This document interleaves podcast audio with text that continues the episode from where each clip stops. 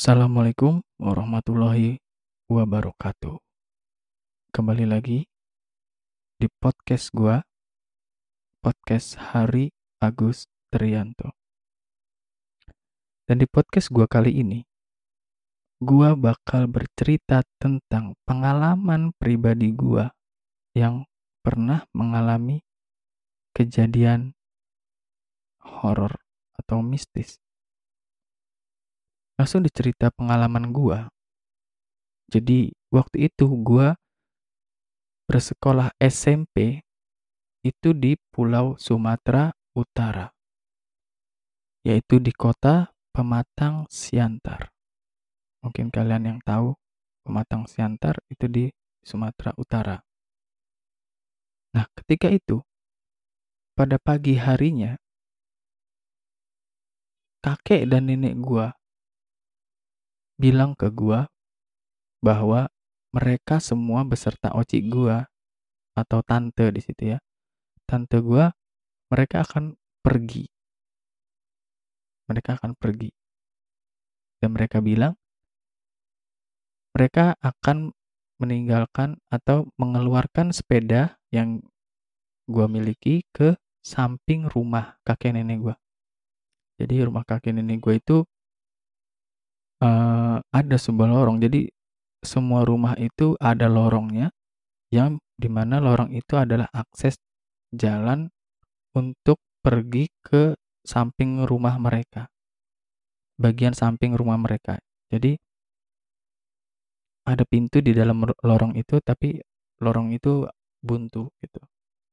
Nah, mereka akan taruh sepeda gua di samping itu dan mereka mengunci rumah, gitu ya mereka bilang kalau misalkan mereka belum pulang ya gue boleh pergi ke mana aja main atau ke tempat tante gue yang lain atau om gue menggunakan sepeda itu. Karena mungkin mereka bakalan lama pulangnya dan malam banget ya. Akhirnya gue berangkat sekolah dan pulang dari sekolah. Gue minta tolong sama temen gue bahwa nanti temenin gua selepas pulang sekolah untuk main bareng. Dan nanti ketika gua udah sampai rumah mengambil sepeda, gua bakal samper dia dan untuk uh, mengajak dia main bareng. Akhirnya gua pulang. Benar saja di rumah kakek nenek gue itu sudah terkunci, sudah tidak ada orang, dan adanya sepeda gua yang di samping rumah itu. Nah, tanpa tanpa pikir panjang, tanpa berlama-lama, gue ambil sepeda itu dan gue berangkat ke rumah temen gue yang nggak begitu jauh dan nggak begitu deket juga. Ketika gue sampai di rumah temen gue, gue ajaklah temen gue untuk main. Dan kebetulan temen gue ini diajak oleh teman-temannya untuk bermain bola di lapangan SD yang masih aktif, tapi ketika sudah sore, sudah tidak ada aktivitas dan itu sekolah menjadi sepi. Bisa dipakai untuk bermain bola. Akhirnya gue diajak bergabung oleh teman gue untuk bermain bola. Kita ke kita pergi ke lapangan itu sama-sama dan akhirnya kita bermain. Kita bermain seperti biasanya, dan kami berhenti bermain bola ketika suara azan terdengar. Akhirnya kami berhenti dan teman-teman dari temannya gua pun pulang ke rumahnya masing-masing. Dan gua bilang ke teman gua, "Eh, temenin gua pulang yuk." Gua takutnya pas gua pulang kakek nenek gue belum ada. Jadi nanti kita bisa keluar lagi. Akhirnya teman gue setuju gue bonceng teman gue pulang ke rumah kakek nenek gue dan benar saja di rumah belum ada orang dan rumah masih terkunci. Nah, kita bingung mau ke mana gue bingung mau ke mana dan akhirnya gue memutuskan untuk ikut ke rumah teman gue tadi dan gue pergi ke rumah teman gue dan di rumah teman gue itu gue ada teman gue bertemu dengan teman-teman sepermainan sepak bola tadi dan ketika itu mereka sedang bermain dan mereka mengajak kami untuk nongkrong di SD tempat kami bermain sepak bola tadi. Karena di SD itu ada sebuah bangunan saung atau balai yang berukuran kurang lebih 2 kali 2 meter dengan atap seng. Karena di Sumatera itu terkenal seng. Jarang sekali menggunakan genteng atau daun-daun seperti saung balai pada umumnya. Dan di saung itu terdapat meja dan kursi, meja dan bangku SD yang sudah tidak terpakai tapi ditaruh di tengah-tengah saung tersebut. Dan SD itu berada persis di pinggir jalan raya.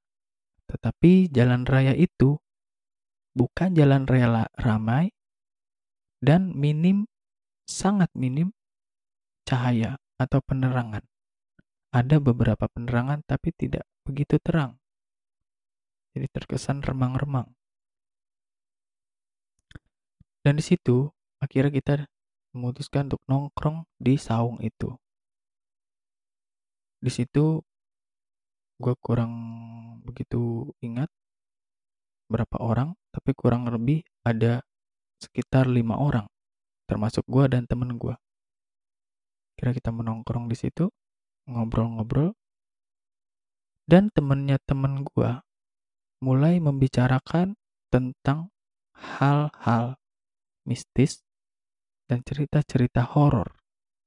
Jadi SD-nya itu di pinggir jalan raya dan bentuk bangunan SD itu adalah letter U dan tidak ada sama sekali pagar, jadi langsung berhadapan dengan jalan raya itu. Nah, saung itu berada di tepat tengah-tengah dari sekolah letter U itu. Dan di samping dari saung itu, persis di sebelahnya, ada pohon yang sangat besar, yaitu pohon beringin. Jadi daun-daunnya itu pohon beringin yang begitu lebat. Di bawah pohon itu, di bawah daun-daunnya itu adalah tepat saung di mana kita ngobrol dan nongkrong di situ. Ketika mulai membicarakan hal-hal horor dan cerita-cerita horor bergantian satu demi satu teman-teman dari teman gue itu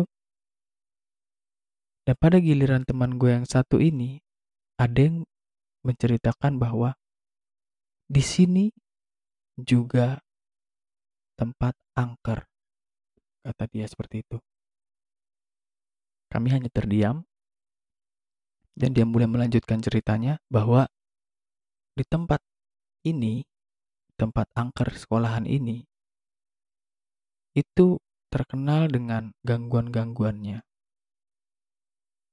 Dan dia menjelaskan bahwa ketika kita menantang makhluk yang ada di situ, penunggu yang ada di situ, mereka akan berinteraksi melalui apa pun. Kami tidak ada yang percaya, walaupun kami takut dengan cerita itu, dan kami tapi tidak ada yang percaya. Karena kami tidak ada yang percaya, dia dengan sangat berani ingin membuktikan kepada kami bahwa apa yang dia bicarakan itu benar. Dan dia mulai untuk menantang penunggu-penunggu di situ, penghuni-penghuni yang ada di situ. Dia bilang, "Eh, lu yang ada di sini. Kalau lu emang bener ada di sini, muncul lu Dia bilang seperti itu. Dan tidak begitu lama dari apa yang dia omongin, ada suara yang jatuh dari atas pohon ke seng atap dari saung kita. Seperti jatuhnya uh, biji, biji salak kayak gitu. Atau buah gitu ya. Bunyi sangat keras. Tah. Kami pun terdiam. Sedikit ketakutan, tapi kami masih positive thinking bahwa kami bilang, Enggak lah itu kebetulan. Itu mah paling ada yang jatuh dari atas pohon. Entah buahnya entah apa. Karena dia mungkin masih ingin membuktikan kepada kami bahwa apa yang dia bilang itu benar. Dia mencobanya itu lagi. Keluar lu, kata dia begitu. Kalau emang lu benar ada, lu keluar. Tunjukin dong. Dia seperti itu bilang. Dan kejadian tadi serupa terjadi lagi. Tah! Suara yang sama terdengar. Gua saat itu dan teman-teman yang lain bisa mengilustrasikan bahwa yang jatuh itu seperti biji salak. Seperti biji salak. Bukan buah yang begitu besar atau bukan buah yang begitu kecil. Kisaran se buah salak itulah. Kami mulai takut, walaupun kami bilang lagi ke yang menantang tadi, enggak lah, enggak mungkin. Dan dia, dia menambahkan ceritanya lagi bahwa kalau gue benar-benar nantang di sini, ini bakalan ekstrim nih, kata dia seperti itu. Dan dia mulai menantang lagi dengan menunjuk suatu lorong di bangunan sekolah itu ya. Jadi ada lorong. Sekolah ini begitu terbuka gitu ya. Dan ciri khas dari Sumatera Utara itu adalah banyak pohon-pohon pohon-pohon sawit. Jadi ada sebuah lorong. Lorongnya juga uh, cuman antar bangunan tanpa ada atapnya itu itu outdoor masih outdoor gitu ya.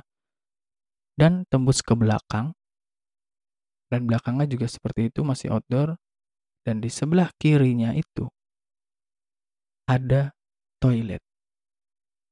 Kita bisa sama-sama tahu bahwa toilet di sekolah dasar tidak ada yang bersih, jarang sekali ada yang bersih dan itu sangat kotor sekali. Dan di bagian belakang itu, di lorong itu juga ada tempat pembuangan sampah yang sampahnya cukup banyak. Karena di bangunan sekolah itu sangat-sangat minim penerangan dan tidak ada satupun penerangan fasilitas yang ada di SD itu dihidupkan. Jadi bangunan itu sangat-sangat gelap, hanya memanfaatkan penerangan jalan yang ada di depan sekolah itu. Jadi yang ditunjuk itu oleh temennya teman gue itu sangat gelap ke arah lorong yang arahnya ke toilet. Dia bilang kata-kata yang sangat menantang, jorok, juga kasar. Dia mulai bilang, "Weh anjing yang di sana. Kalau emang berani, keluar lu." Dan benar terjadi lagi seperti tadi. Ada yang jatuh, tapi kali ini beda. Bukan biji yang tadi jatuh, tetapi seperti beras, seperti kita pegang beras ya, segenggam tangan, lalu ditaburkan ke atap dari saung itu. Karena atap saung itu masih menggunakan seng ya, karena mayoritas bangunan di Sumatera Utara itu menggunakan atap seng. Jadi terdengar bunyi ser. Situ kami mulai takut. Tapi teman temannya teman gue ini tidak berhenti untuk menantang. Dia malah makin menantang dengan bilang jorok. Weh anjing kalau emang lu kuntilanak gua pakai lu. Dan di situ suara siraman beras yang tadi makin banyak. Ser ser ser. Dan seketika kami semua lari lari dari saung itu, mereka lari, tapi gua yang membawa sepeda dan hanya satu-satunya orang yang membawa sepeda. Saking kagetnya, sepeda itu tidak gua naiki, tapi gua tuntun dan gua juga ikut berlari. Kita berlari sampai di tempat yang aman, yaitu di uh, sebelah gang dari gang yang ada sekolahnya itu. Dan di situ teman gue yang temennya teman gue yang tadi menantang bilang lagi bahwa bener kan apa yang gue bilang di situ tuh emang terkenal angker kami hanya terdiam dan sambil menghela napas karena kelelahan berlari dia malah menantang lagi menantang kami bahwa ayo kita ke sana lagi. Kalau emang lu pada nggak percaya, kita lihat itu yang di atap itu tadi yang disiram apa. Jadi gitu. Dan kami gak ada yang berani dan akhirnya gue memutuskan pulang ke rumah. Pulang ke rumah dan alhamdulillahnya kakek nenek gue itu sudah ada di rumah. Sudah pulang. Dan keesokan harinya gua dan temen gua bertemu lagi dengan temennya temen gua yang nantang itu. Dan dia bilang, keesokannya atau hari itu, dia coba ngecek atap dari saung tersebut. Dan dia bilang, tidak ada buah atau beras atau pasir di atap saung tersebut. Dan itu adalah pengalaman gua pertama kali tentang horor. Cerita seram atau kejadian seram. Karena gue bener-bener ngalamin itu. Gua nggak bohong, itu gue alamin langsung. Itu pertama kali gue mengalaminya. Oke, jadi di podcast gue ini mungkin setiap hari Kamis malam Jumat gue bakal menceritakan tentang horor, cerita-cerita horor, cerita-cerita seram dari gue sendiri, dari internet, atau dari cerita orang lain yang bakal gue undang. Mungkin gue akan undang orang dan kalau dia punya cerita seram, gue akan mempersilahkan dia untuk bercerita seram. Oke, Sekian podcast gue kali ini tentang misteri, horor, kisah seram, cerita seram. Sampai ketemu lagi di podcast gue selanjutnya. Semoga kalian tetap pantengin Hard Podcast selanjutnya. Terima kasih. Assalamualaikum warahmatullahi wabarakatuh.